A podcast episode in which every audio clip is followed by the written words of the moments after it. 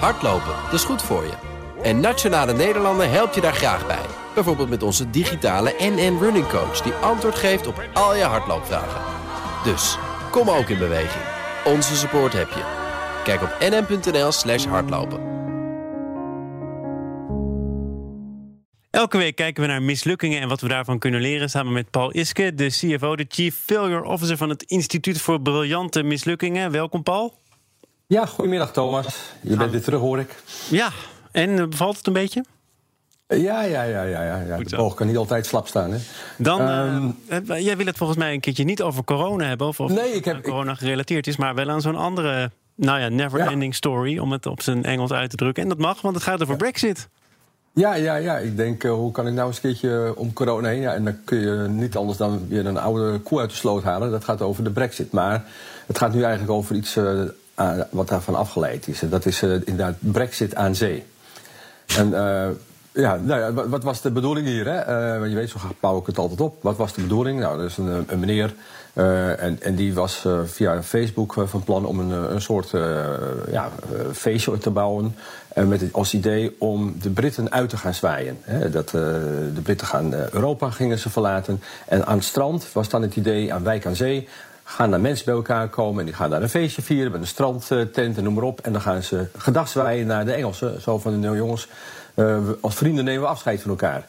En nou ja, dat, dat, trok eigenlijk ook best wel belangstelling. Hè. Wall Street Journal die ging erachteraan. En een Ierse tijdschrift. En uiteindelijk ook best wel veel mensen die zeiden... nou, we komen ook gewoon hij heeft ook helemaal goed voorbereid. Hè. Hij had er ook over nagedacht. Nou, niet de, grote bands zoals Bluff en De Dijk, nee. We gaan uh, daar voor iedereen een, een, geschikt programma maken. En de toegangsprijs, ook heel symbolisch, was 19,73 euro.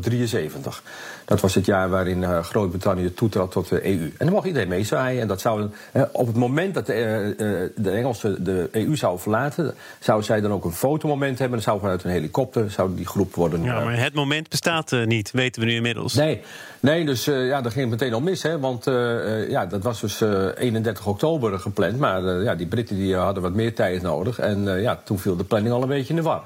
Dat zou dan uh, begin uh, 2020 worden, januari. Ja, dan is het koud. Hm, hm, hm.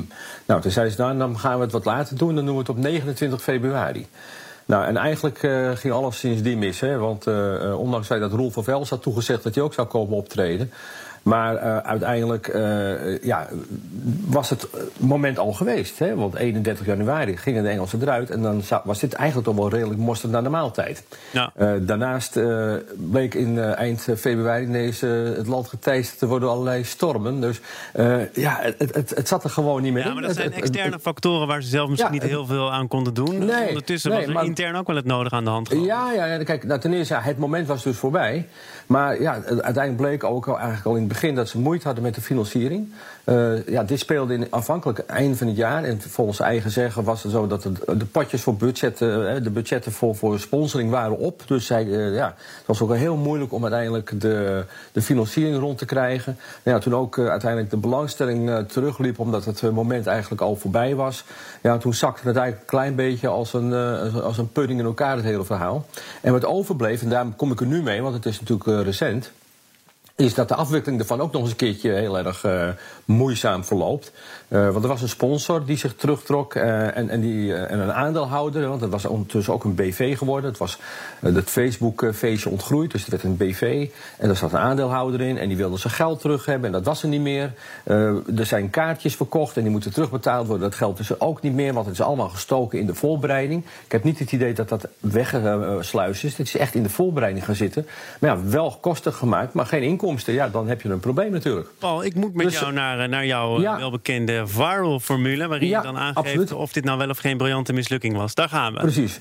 Ja, hè, nou, het is dus echt een, een, een timing-issue geweest en het uh, bleek toch ingewikkelder. Dus nou, als je daar naar kijkt, dan, uh, dan komen de viral-formule, de visie. Nou, het was eigenlijk best wel een sympathiek idee om die Britten nog eenmaal te laten zien dat we, dat we van ze houden. Hè, uh, en, en, bovendien worden er ook wel eens feestjes gehouden bij echtscheidingen, dus waarom niet? Een acht. Ze hebben er echt wel, uh, dan gaan we naar de I van inzet. Nou, ze hebben er echt wel tijd en moeite in gestoken. Heel, uh, ja, ze hebben echt hun best gedaan. De veiligheidsaspecten uh, geadresseerd. Eigenlijk allemaal prima gegaan. Een 8. Dan de risico's. Ja, het was natuurlijk wel een aanzienlijke investering. En eigenlijk was het natuurlijk wel een context met onzekerheden. De brexit zelf, zou die überhaupt wel plaatsvinden? En op dat moment, de begroting hebben ze te lang niet met een niet sluitende begroting gewerkt. Nou, dat krijgen ze een vier. Nou, de aanpak, nou, ik zeg, de aanpak was prima. Ze hebben het uitnodigingsbeleid eh, voor de muziek, voor de mensen. Alleen ja, de financiële aanpak was wat minder. Uh, er kwam wel iets van professionalisering via de BV, maar dat was met een investeren, maar dat was een beetje laat. Nou, een magere sessie. En nou leren, nou ja, de organisator geeft zelf aan dat er heel veel geleerd is. Uh, en, en de zaken die hij zelf aangeeft, het was te ingewikkeld, de timing. En, nou, ik, ja, het is veel geleerd. En ik denk dat dat voor andere organisatoren best wel een interessante casus zou kunnen zijn. Dus een 8. En als ik dan alles bij elkaar optel, dan kom ik op een ruime 6,5, dus een 7. Dus voor mij betreft een briljante mislukking. het uh, instituut. Een 6,5 ja, en, 7, ja. Ja, en ik zou ze eigenlijk best wel een tweede kans gunnen. Of als anderen een feestje willen bouwen, zou ik zeggen: ga eens bij uh, meneer Toek ook langs en vraag eens wat, er, wat hij allemaal geleerd heeft. Want ik denk dat dat voor andere mensen ook nog heel uh, interessant zou kunnen zijn. Paul Iske, de Chief Failure Officer van het Instituut voor Briljante Mislukkingen. Dankjewel, tot volgende week. Hardlopen, dat is goed voor je.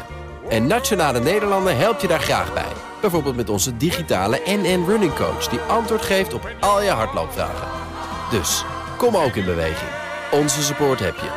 Kijk op nn.nl slash hardlopen.